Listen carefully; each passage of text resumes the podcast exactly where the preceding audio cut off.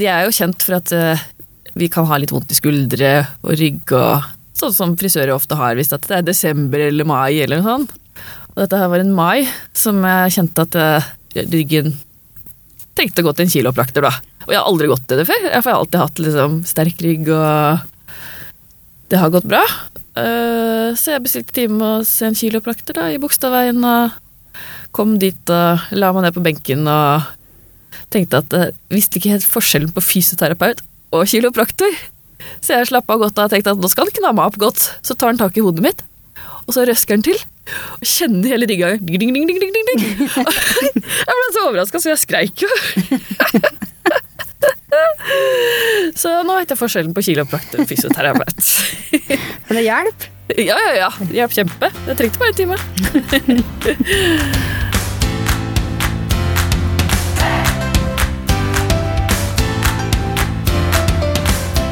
Velkommen til Hårpodden. Eh, Jeg heter Renate, Jeg heter Ann-Marit. vi har med oss en gjest i dag, vi. Lise Lotte. Hei. Hei. Jeg skal fortelle litt gangen i podden først. Eh, Vi eh, har jo et hovedtema, som er fysioterapi, frisør, frisør og virkeligheten av trening og massasje. Og vi har ukas produkt og faste spørsmål som kommer til slutt. Men kan ikke du fortelle litt om deg selv? Ja, jeg eh, jobber med trening, massasje og kosthold. Og har en eh, bachelorgrad i ernæringsfysiologi. Og er utdannet gruppetreningsinstruktør, personlig trener og eh, massasjeterapeut. Eh, det er jo litt forskjell på fysioterapeut og massør også. Eh, for fysioterapeuten gir deg veldig ofte øvelser som kan være gode for eh, å forebygge smerter for frisører. Mens massasjen, den får du hos massøren. Og da knar de. Ja. Så det å bestille seg en massasjetime, det er veldig ofte veldig godt. Mens eh, fysioterapeuten eh, krever litt mer av deg. Da må du jobbe. Men en god kombinasjon av de to kan forebygge. Men du har to forskjellige utdannelser, da? Eller går det under samme? Jeg har egentlig tre forskjellige utdannelser. eh, Men eh, jeg synes at kropp er veldig fascinerende og utrolig viktig. Det er noen ting vi alle har et forhold til. Eh, Vi har jo alle en kropp. Og uten kroppen vår så fungerer jo ikke livet. Vi kommer oss ikke på jobb hvis vi er sykemeldte. Vi blir ikke den mammaen eller pappaen vi ønsker å være hvis vi har mye smerter som tar overhånd over livene våre. Og derfor så er det opp til hver og enkelt av oss å passe på at kroppen vår fungerer, sånn at vi kan leve det livet som vi ønsker. Det er så sant. Det, og vi har bare én av dem. Ingen reservedeler å skaffe. Nei, sant. Er ikke det litt rart? Du tar jo service på bilen din. Ja. Men det er ikke alle som velger å ta service på kroppen sin. Nei.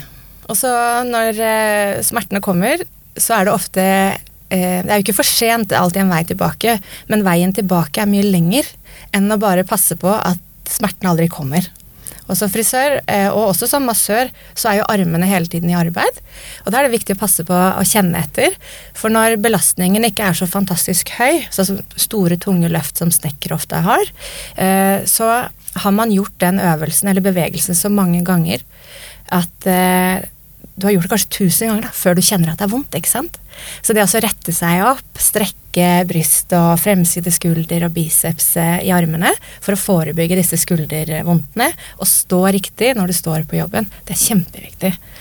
Eh, Jeg kan jo bare forestille meg hvor man har vondt når man er frisør. Og det er knær, korsrygg, skulder, hodepine, stiv nakke osv. Og, så og kanskje litt vondt i den armen som hele tiden skal klippe. Hvis du går inn på eh, Instagrammen til Body and Brains, sånn som Toys Are Us, eh, med den, Ja. bare den N i midten, yeah. så finner du en god del øvelser som du kan gjøre hjemme for å trene, men også øvelser som er med på å forebygge de problemene som jeg tenker at frisører ofte kan ha. Oi, så det er en egen plass der som det står for frisører? Eh, nei, men eh, det er veldig ofte sånn at de som sitter ved PC, har de samme problemene. Det tar enda lengre tid, fordi intensiteten på det de gjør, den er lavere, men de får de samme smertene likevel. Men vet du hva legen min har fortalt meg? Nei, hva har den?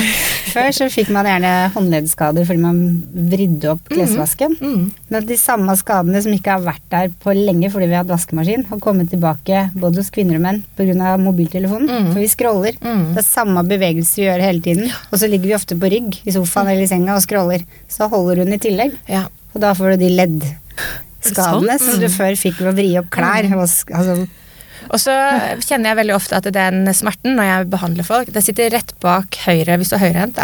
Rett bak høyre skulderblad. Eh, litt sånn på innsiden, eh, litt over midten. Når jeg trykker der, så stråler det veldig ofte ned i hånden. Og da er det knyttet til den tommelbevegelsen opp og ned på skjermen.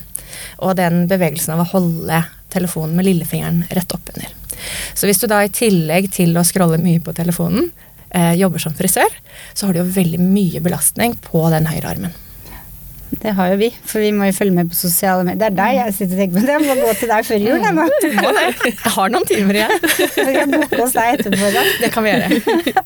Eh, Men det som jeg pleier å si til eh, kundene som vi har på benken, og folk som jeg også trener eh, når jeg er PT, er at hvis du legger fra deg telefonen, så kan du bruke pekefingeren og langfingeren på høyre hånd, og så bytter du av og til, sånn at du får belastningen fordelt utover begge hendene. Og det er ganske greit. Og det å jobbe inn en ny vane, det tar seks måneder. Så det er viktig å hele tiden jobbe med vanen og være bevisst på det du gjør. Men når du har f.eks. sånn som å lære seg å pusse tennene, er jo også en vane vi har lært oss å gjøre. Men nå er det jo så naturlig at vi bare gjør det. Og det å legge inn eh, det å sitte på sosiale medier når du pusser tennene, f.eks. For, eksempel. for da bruker du høyrehånden på å pusse tennene, kan du bruke venstre på å scrolle på telefonen. um, og andre øvelser som er gode, som å tøye fremsiden av kroppen, det kan du også gjøre når du pusser tenner, for da dytter du det inn i en vane som er innarbeidet fra før. Men det å få seg en dårlig vane, det tar bare 14 dager. Det er helt sykt. Mm, vi er skapt for å være late, vi mennesker. Er vi det? Vi sparer energi der vi kan, og det er et overlevningsinstinkt.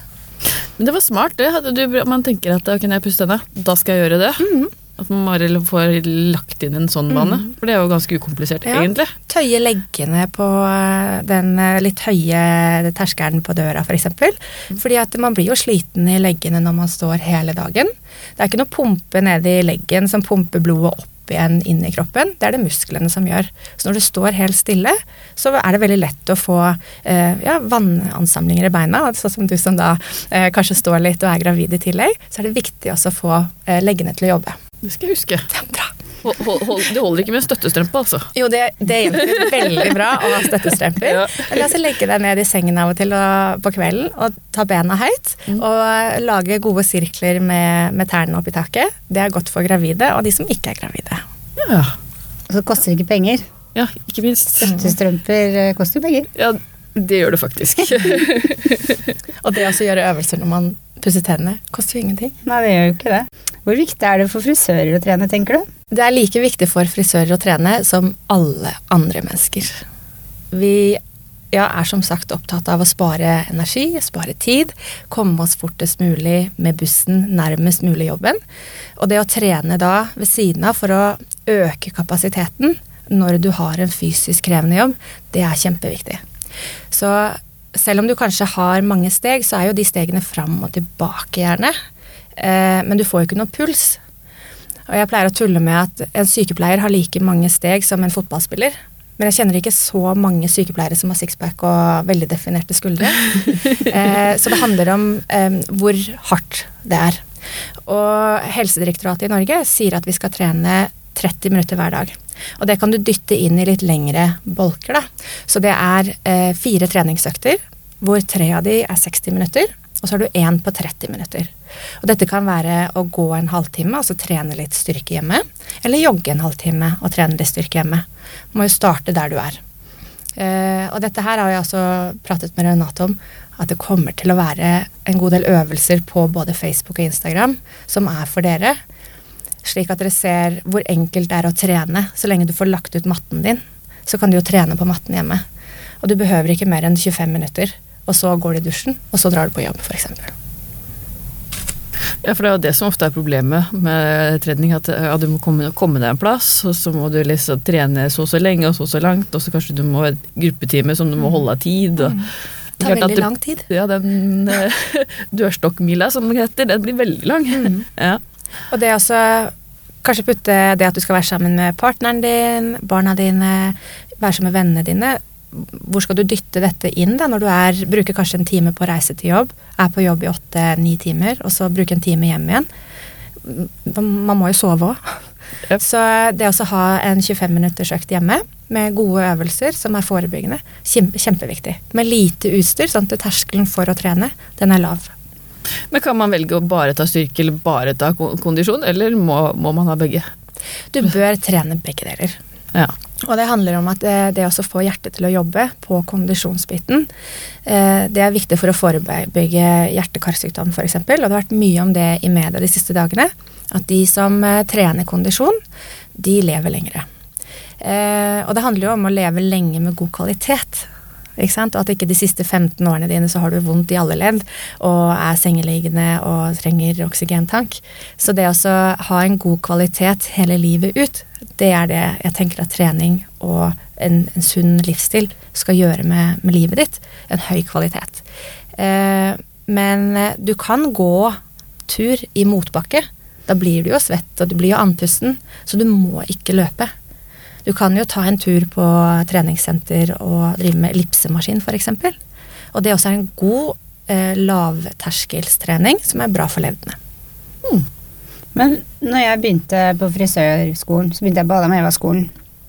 Det lå da inne i Strøkerpassasjen, og vegg i vegg så lå det et gym som het Ladies Gym. Eh, og ved siden av Ladies Gym så lå det et dansestudio hvor jeg dansa hiphop. Men jeg begynte på skolen, så sa lærerne til meg at du er så liten, så du må faktisk begynne å trene helsestudio. Så jeg går på Ladies Gym. Så gikk jeg dit og så forklarte jeg hva jeg skulle bli. Og da satte de opp program til meg fire ganger i uka. Og jeg gikk og trente. Da fikk jeg først beskjed om å se meg etter en kropp. For å se hvordan kropp jeg ønska. Da fant jeg sånn svømmekropp. og disse damene der, altså, de var jo bodybuildere. De satt og røyka i resepsjonen og var helt andre typer måter å Helt annen tid. Helt annen tid, ja. Men fy søren hvor hardt de kjørte meg. Mm. Og er Fikk du den kroppen, eller? Hmm? Fikk du den kroppen? Jeg var mye finere enn svømmekropp. Nei, altså jeg gjorde vel aldri det, men eh, jeg fikk i hvert fall en ny vane som jeg tok på meg hele veien. Og jeg er ganske sikker på at det er noe av det som gjør at jeg har hatt veldig lite skader. Mm. Fordi at jeg gjør det, Men jeg syns det er viktig for huet sin del òg. Jeg føler meg jo sterk når jeg trener. Ja. Startet dagen i dag med en treningsøkt hjemme. Mm. Og da blir jeg mentalt forberedt på dagen. Mm. Jeg føler meg eh, ja, sterk i kroppen, sterk i hodet. Og det tror jeg når man skal eh, snakke med og tilfredsstille da, så mange mennesker som det man gjør som frisør, eh, og ha tålmodighet og overskudd til det, alle andre menneskers problemer og hverdag som man skal høre om, eh, så tror jeg det er viktig å kunne føle seg på topp når man kommer på jobb. Og så er det når man får tømt den søppelbøtta. Mm. For noen ganger liker jeg å trene etter jobb Mm. også. Mm. Og det er kanskje de dagene det har vært mest krevende, som jeg har mest ikke lyst til å gå på trening. Det er da jeg føler jeg vinner mest. Mm. Liksom tømt hodet. øker jo en god del av de positive hormonene i kroppen vår. Eh, og vi ser jo det at det å ikke trene, og ha en stillesittende jobb sånn som mange har ved PC-en, og i tillegg ikke trene på eh, etter arbeidstid, har faktisk en tendens til å øke antall depresjoner i samfunnet. Og mange andre sykdommer også, som er et problem. Så det å stå for frisører, det er en veldig pluss i forhold til det å sitte som kontorarbeider, fordi det forebygger både bryst- og tarmkreft. Oi. Mm. Og osteoporose, som er beinskjørhet. For hvis du sitter på de stolene vi har i frisørsalongen, så ser jeg meg sjøl i speilet at jeg detter sammen som en sekk. Mm. Og det er de dagene jeg faktisk får litt vondt. Mm. Mens de dagene jeg står, så føler jeg ikke at jeg har vondt. Egentlig. Du, man er jo mest stående. Ja. Det er veldig sjelden jeg bruker er noen få ganger, selvfølgelig, med å klippe former, liksom, som vi klipper, men stort sett så står vi jo. Men jeg har kolleger som sitter på de stolene når de føner, og når de legger foliestriper. Og for meg så er det helt rart, for det har jeg egentlig aldri gjort sjøl. Og det ser veldig merkelig ut. nei det, er jo en, det er jo en vane, det, selvfølgelig. Mm. Men ja, jeg også står Annerledes. mer. Ja. Ja, jeg satt og tenkte nå, Jeg har en quote som passer så bra til dette her. Den som investerer tid i trening nå, eller det som ikke investerer tid i trening nå, må investere tid i sykdom senere. Mm. Og det er jo litt det du snakka om. Mm. Syns det var så Det bra, den kvoten. Mm. Men kan ikke jeg spørre dere, dere høres ut som har liksom samme mening om trening. Det, hvor, hvordan har dere kommet til denne at man starter dagen med trening, og at man føler seg friskere, eller Mm. avslutter med å tømme søppelbøtta, som du sier? For det tar jo litt tid for å komme for en som bare sitter på sofaen, til å komme Mm. Og synes det er godt, da. Skjønner du hva jeg mener? Ja, det gjør det. Har du noen tips til de? Det er også å sette terskelen såpass lavt at du tenker denne uken skal jeg trene én gang. Og du starter der. For det er lettere å komme igjennom. Og når du først har startet, så tror jeg du vil kjenne på den følelsen av at det er godt. Eh, så hvis du ikke gjør noen ting i dag, så syns jeg du skal begynne å gå en tur. At du, eh, hvis du tar buss, går av bussen én eller to stopper før, og så går du det siste stykket. Da har du startet et sted. Mm. Og når du kommer hjem, så kan du ta ti knebøy, f.eks., før du tar av deg skoene. Og når du står og lager middag, så setter du hendene på kjøkkenbenken, og så tar du så mange pushups du klarer. For da har du gjort det lett, og så har du gjort noe som er mer enn det du kanskje har gjort tidligere. Og så vil eh, den mestringen, den vil gjøre at du føler at du kan gå tilbake igjen. Og det er jo en av grunnene til at man kanskje skal trene med personlig trener, er jo den mestringen. De ser kanskje hvor du er, at du hele tiden kjenner at du kommer tilbake for å lære nye ting som du mestrer. Men også det å huske på hvor du kommer fra, altså progresjonen du har hatt. Det er viktig. Ofte mine kunder de sier sånn 'Å nei, men jeg klarte ikke det'. Ja, men du klarte jo sånn, og du klarte ikke det forrige gang, eller da du startet. Altså det å se hvor langt du har kommet, det er viktig. Um, og det å trene med en PT også hjelper deg med å være skadefri. Det fins jo nok av disse mennene som løfter altfor tunge vekter. Eh, F.eks. i biceps curl, hvor du bøyer albuen, og så står de og bruker hele kroppen istedenfor å egentlig trene armene sånn som de tenker at de skal. Så det er alltid viktig å vite hvor er det du ønsker deg hen, som en svømmekropp f.eks. og så ha et mål, og så jobbe gradvis mot dette målet. Og så kan det jo godt hende at målet forandrer seg underveis.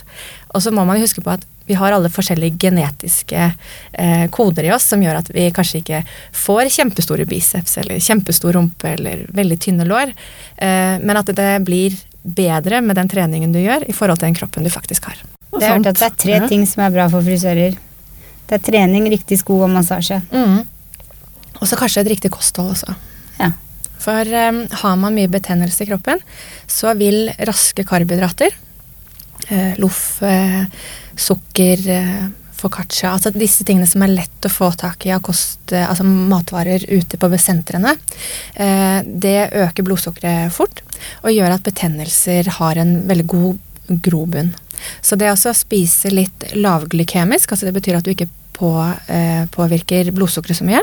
Det er viktig når du har disse julerushene eller 17. mai-rushene. Eh, for da vil ikke betennelser blusse opp idet du har mye jobb å gjøre. Eh, en liten eh, boks med mandler, f.eks., hvis du tåler nøtter. Eh, hvis du bare er veldig sulten og lurer på hva du skal kjøpe. Knaskerøtter på Kiwi og, og en pakke med kyllingpålegg. Det er lett å få ned, og så har du fått proteiner og grønnsaker som gjør at du kan holde på ut dagene. Ja, det er litt sånn rart, for at du sier for foccaccia det, Jeg spiste det i forrige uke, og det er ikke kroppen min vant til. Jeg ble skikkelig mm. dårlig. Mm.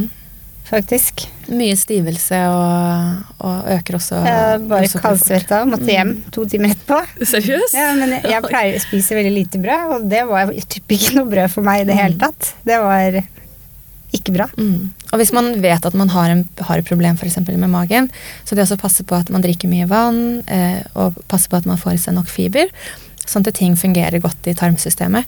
Eh, for når man blir stresset, så er det jo mange som får vondt i magen av det også. Eh, I tillegg så tenker jeg at det er viktig å få i seg omega-3. For veldig mye av maten vi spiser, inneholder omega-6, og omega-6 det kan også være med på å øke betennelser i kroppen. Så forholdet mellom disse to skal være én til to. Ofte så er det helt forskjellig. Eh, så det å ta litt kosttilskudd i disse periodene hvor det er mye stress på jobb, det kan være greit. Eh, massasje, hvor viktig er det på frisører? Jeg tenker at Det å trene og det å få massasje gjør at du får en tilbakemelding fra kroppen din om hvordan det står til. Så hvis du ikke har noe problemer, så tenker jeg det å få en massasje en gang i måneden kan være godt å få løsnet opp i eh, stramme legger, eh, stramme lår, kjenne på hvor du må være litt bevisst på hvordan du skal belaste kroppen gjennom arbeidsdagen din. Men hvis du har, vet at du har et problem, så kan det være greit å få massasje én gang i uken eller annenhver uke. Og heller kjøre kortere intervaller, en halvtime av gangen, og komme oftere til massøren. For massørens hovedfokus er jo å holde deg skadefri, sånn du kan gjøre jobben din. Eh, jeg har veldig mange kunder som kommer én gang i uken, en halvtime, før de starter arbeidsdagen sin, gjerne ved PC. Eh, og da er vi jo gjennom hele høyrearmen, gjennom skulderen, jobber med nakke for å forebygge hode, hodepine. Og så kommer de kanskje innimellom med 'Å, nå har jeg løftet feil'. 'Nå har jeg sovet feil'. Og da jobber vi med det spesifikke problemet. Kommer det mange bra tips, altså. Ja. Jeg har tatt massasje noen ganger hos en dame som driver ved siden av meg. Da er det sånn Jeg har sagt det til deg før. Mm. Jeg har tatt thaimassasje en del ganger. Jeg har ikke turt å gjøre det siden sommeren, for før sommeren så følte jeg at jeg ble helt skeiv. Mm. Fordi du masserer så fort og hardt. At etterpå så fikk jeg beskjed om å ta to tabletter og så slappe av. Det, jeg tror faktisk aldri jeg har hatt så vondt i kroppen noensinne. Mm. Det er jo noen mennesker første gangen de kommer og får massasje, som har mye stress boende i kroppen. Og da er det jo viktig for massøren å prate med den personen som ligger på benken og si eh, er det for hardt nå, skal vi slippe opp litt? Eh, jeg masserer veldig langsomt. Jeg har gått på en skole som heter Akselsson, som er her i byen. Som driver med utdannelse med svensk massasje. Og jeg tenker at det å jobbe rolig med de tingene som sitter, sånn at vi starter et sted, og da må jeg snakke med kunden og si kanskje du skal komme tilbake allerede denne eller neste uke. Sånn at vi kan gjenoppta det arbeidet. For massasje vil redusere restitusjonstid. Og det er den tiden det tar å hente deg inn etter at du har vært på jobb eller etter at du har vært på trening. Og når du har mye å gjøre nå i desember, så kan det jo være at du trenger litt mer hjelp enn bare å dra hjem og slappe av. At du kanskje ikke skal scrolle så mye på telefonen. Eh, få litt tøyeøvelser inn i programmet, og også få massasje. For det er jo litt sånn for at Noen kunder sier det at når de bytter frisør, så syns de det er ubehagelig å møte på frisøren sin, for de føler at de har vært utro. Ja. Og jeg har det litt den følelsen for den thaimassøren min. Mhm. Nå går jeg lange omveier for å gå på butikken, for jeg tør ikke å gå forbi, for jeg har ikke vært der siden i sommer. Ja. Jeg tenker at eh, det er fint når mine kunder går til andre behandlere. Jeg sender de til kiropraktor hvis jeg kjenner at det er en låsning. Eh, men da kan de komme tilbake når de trenger den type massasje som jeg gir. Og av og til så kanskje de ikke trenger en rolig, dyp massasje som kanskje er litt krevende. Men en spa-massasje som er en eh, annen type behandling, og som påvirker nervesystemet annerledes.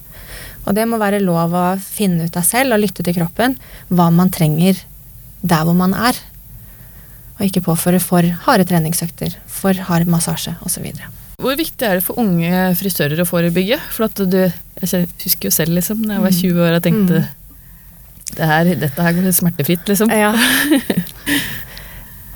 Det er jo viktig hvis man tenker at man skal jobbe til man blir pensjonist i det yrket. Mm. Eh, Det som jeg tenker er eh, lettere, er jo å forebygge noen ting enn å bli skadefri. Fordi du har innarbeidet så mange vaner når du har blitt skadet, at veien tilbake er ganske lang. Men det er jo litt som det å gå ned i vekt, f.eks. Hvis du har lyst til å være slank, så må du jo spise sunn mat og, og bevege deg. Eh, Og hvis du har lyst til å være det resten av livet, så må du jo fortsette med det. Og det samme er jo med det å være skadefri også. Du må finne gode øvelser som er kompatible med den dagen du har som frisør, og så må du fortsette med det livet ut. Mm. Du må lage deg en livsstil, rett og slett. Ja. Hva som fungerer for deg. Alle har jo forskjellige kropper. Noen er lang i overkroppen og kort i bena, også motsatt. Og da er det viktig at du kjenner etter hvor er det jeg blir fort sliten. Er det i korsryggen? Eh, kanskje jeg skal sitte litt, da. Eh, innimellom. Nei, blir jeg sliten i bena? Kanskje jeg skal bruke støttestrømper selv om jeg ikke er gravid. Eh, vondt i skulderen, tøye bryst og fremside skulder og biceps. Og passe på at jeg spiser fisk regelmessig, tar kosttilskudd med omega-3, spiser C-vitaminer for å holde meg frisk og forkjølelsen borte. Ja. Mm. Når er det så ille at man bør omskolere seg, egentlig? Er det håp for alle? Hvis du først har blitt så dårlig at du bør omskolere deg, klarer du å komme tilbake til frisørjobben da uten å omskolere deg? Det er jo den store skrekken å få Ja. den beskjeden av legen, at dette funker ikke for deg, du bør slutte. Vet du, I og med at det å være frisør og det å sitte ved en PC er ganske like belastninger, så da lurer jeg jo litt på hva skal du omskolere deg til? Ja, det er poenget. Når jeg gikk på skole, så har vi 38 frisører, Mm. og jeg tror 36 av dem var på omskolering. Jeg var ikke det. Mm. Og alle skulle bli lærere. Og som Ja. lærer så står du jo mye, og du er frisørlærer, da. Du hatt, står jo eh, mye, og du skriver mye, og det er litt den samme belastningen sånn Mm. generelt. De også har jo litt problemer med skulderen. Jeg har hatt noen lærere innom, fordi de har kanskje ikke så mye skriving på, på tavle nå, men det også er jo en ukurant stilling egentlig for skulderleddet. Eh, jeg tenker at det er håp for alle. Det er jo litt sånn hvis du veier 160 kilo eller eh, noe sånt nå, er det da ikke vits å begynne å spise sunt? ja, det er Ja, Er det er sant. Herregud. Ja. Det er jo litt det samme. Ja, det er jo det. Og det handler om alle gode vaner som du innarbeider deg, om det er sunt kosthold eller gode tøyevaner, styrketreningsvaner, kondisjonsvaner, så må du fortsette med det. Eh, husarbeidet vårt, eksempel. Blir aldri ferdig med det. det. Livet fortsetter jo, og den dagen det slutter, så er det jo ikke noe mer likevel. Man kan ikke alltid hjelpe på Ja. legen. Altså, jeg har en kunde som eh, ble lam etter en stupeulykke, og Mm. sa at uh, du kan aldri gå igjen. Hun går i dag og har en kjempebra stilling. Pappaen og datteren min fikk beskjed etter en ulykke at han aldri kunne få barn. Vi har en datter på sju år sammen, så det er, man kan ikke alltid liksom ta det til seg. Og så Det er jo bare mennesker, det òg. Ja, Med sine meninger. Ja. Ja. Men da er det jo liksom, hvis at du har en lidenskap for å være frisør, Mhm. så finner du en løsning, egentlig. Det er en unntak fra regelen. Ja. Det må jo være det. Ja. Jeg har en kunde som er regnskapsfører, eh, og hun eh, bruker venstre hånd på musen, og har lært seg det. Eh, For å avlaste, fordi de har veldig lange perioder hvor de skal sitte og punche, som hun sier, ikke sant? hvor de sitter og tar tall. Og da må hun avlaste høyrehånden fra den eh, punchingen på tallene, sånn at hun bruker venstrehånden på musen. Det var som jeg gjorde med fingeren. det. Når Ja. Jeg har masse extension, og så fikk jeg bitt av neieren med neglebåndet. Av hunden din. Ja, min egen lek, da. Så jeg måtte bruke venstrehånda og lære meg å svi med den. Og den er jo litt sånn annerledes å jobbe med venstrehånd. Men det gikk. Mm. Det gikk en hel sommer, altså. Så nå kan jeg bruke begge. Mm. Det er en fordel, da. Ja. Det er kjempebra.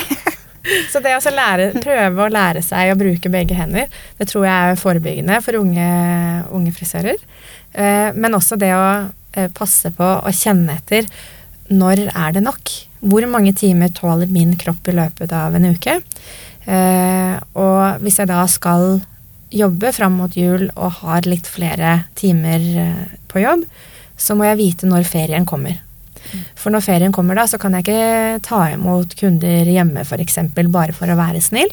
Da må jeg hvile og hente meg inn og passe på at du får trent, spise fortsatt sunt, eh, tøye, gjøre øvelser. Og så når du starter igjen i januar, trappe kanskje litt ned i forhold til desember måned og jobbe rolige uker. Sånt. Høre på kroppen, Mm. rett og slett. Mm. så bra. Mange gode tips. Må jeg bare ta det til meg. Eh, Da har vi kommet til ukas produkt. Mm.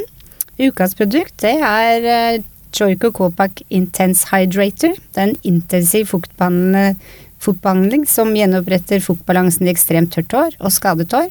Den forbedrer elas- elastisiteten og kontrollerer friss og øker hårets føyelighet. Eh, Den påføres i vått hår, vått til håndkletørre hår. Du vil presse ut litt vann, ville jeg gjort. Og den virke minst fem minutter og skylles ut.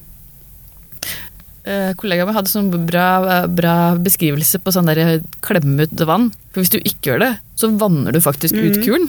Du gjør det. Ja. Så det er veldig viktig, uansett kur, å klemme ut mye vann når de skal kure. Og så har vi noen faste spørsmål, da. Hva er dine hårrutiner? Ja, hva er det? Prøve å ikke vaske håret så veldig ofte, i og med at jeg trener og svetter så mye. At jeg planlegger litt i løpet av uken. Eh, prøver å føne på litt lavere varme enn før. Og så er jeg jo vegg i vegg med Renate på jobben. Så jeg prøver å komme meg dit innimellom. Men jeg kjøper jo disse produktene som Renate snakker om. Det er vel eh, de som er med gullfarge. Joico, ja. Eh, Sjampo og balsam. Og så har jeg akkurat nylig lært meg at jeg skal sjamponere håret to ganger. Mm. Du har noen kunder i løpet av dagen. Eh, Hva er det beste med å gå til frisøren? Det må være hodemassasjen. Jeg elsker massasje. Eh, Hva er det verste? Jeg har jo hatt noen opplevelser tidligere. Ehm, Det aller verste opplevelsen jeg hadde, var eh, på Lørenskog. Eh, jeg har egentlig krøller, og så klippet hun meg veldig kort. Så håret sto rett opp. Og jeg skulle ta bussen. Jeg var 16 år, så det er veldig lenge siden. Eh, men det er den verste håropplevelsen jeg noen gang har hatt. Så jeg, blir, eh, jeg liker ikke å klippes, da. Du får ja. lov å klippe litt. Du har litt sånn frisørs, frisørskrekk på Jeg har hatt eh, litt frisørskrekk, ja. Du har faktisk mer krøll enn meg. Du Oi. fønet opp med softstyler. Det er- Du tror ikke det når du ser henne nå. Nei, det her er jo helt rett. Ja, nei, men det er ikke det. Sånn er det når det er vinter. Da går det ikke an å gå ut med vått hår. Nei. Da må det fønes. Ja, Vi har vel eh, kommet til veis ende, vi da. det har vi. Vi må takke deg litt, Lotte. Takk for at jeg fikk komme. Takk for at du ville komme. Og så får vi takke for oss, og takke Studio Alf for at vi får lov til å podde. Det må vi. Så Takk for oss. takk for oss. Takk for meg.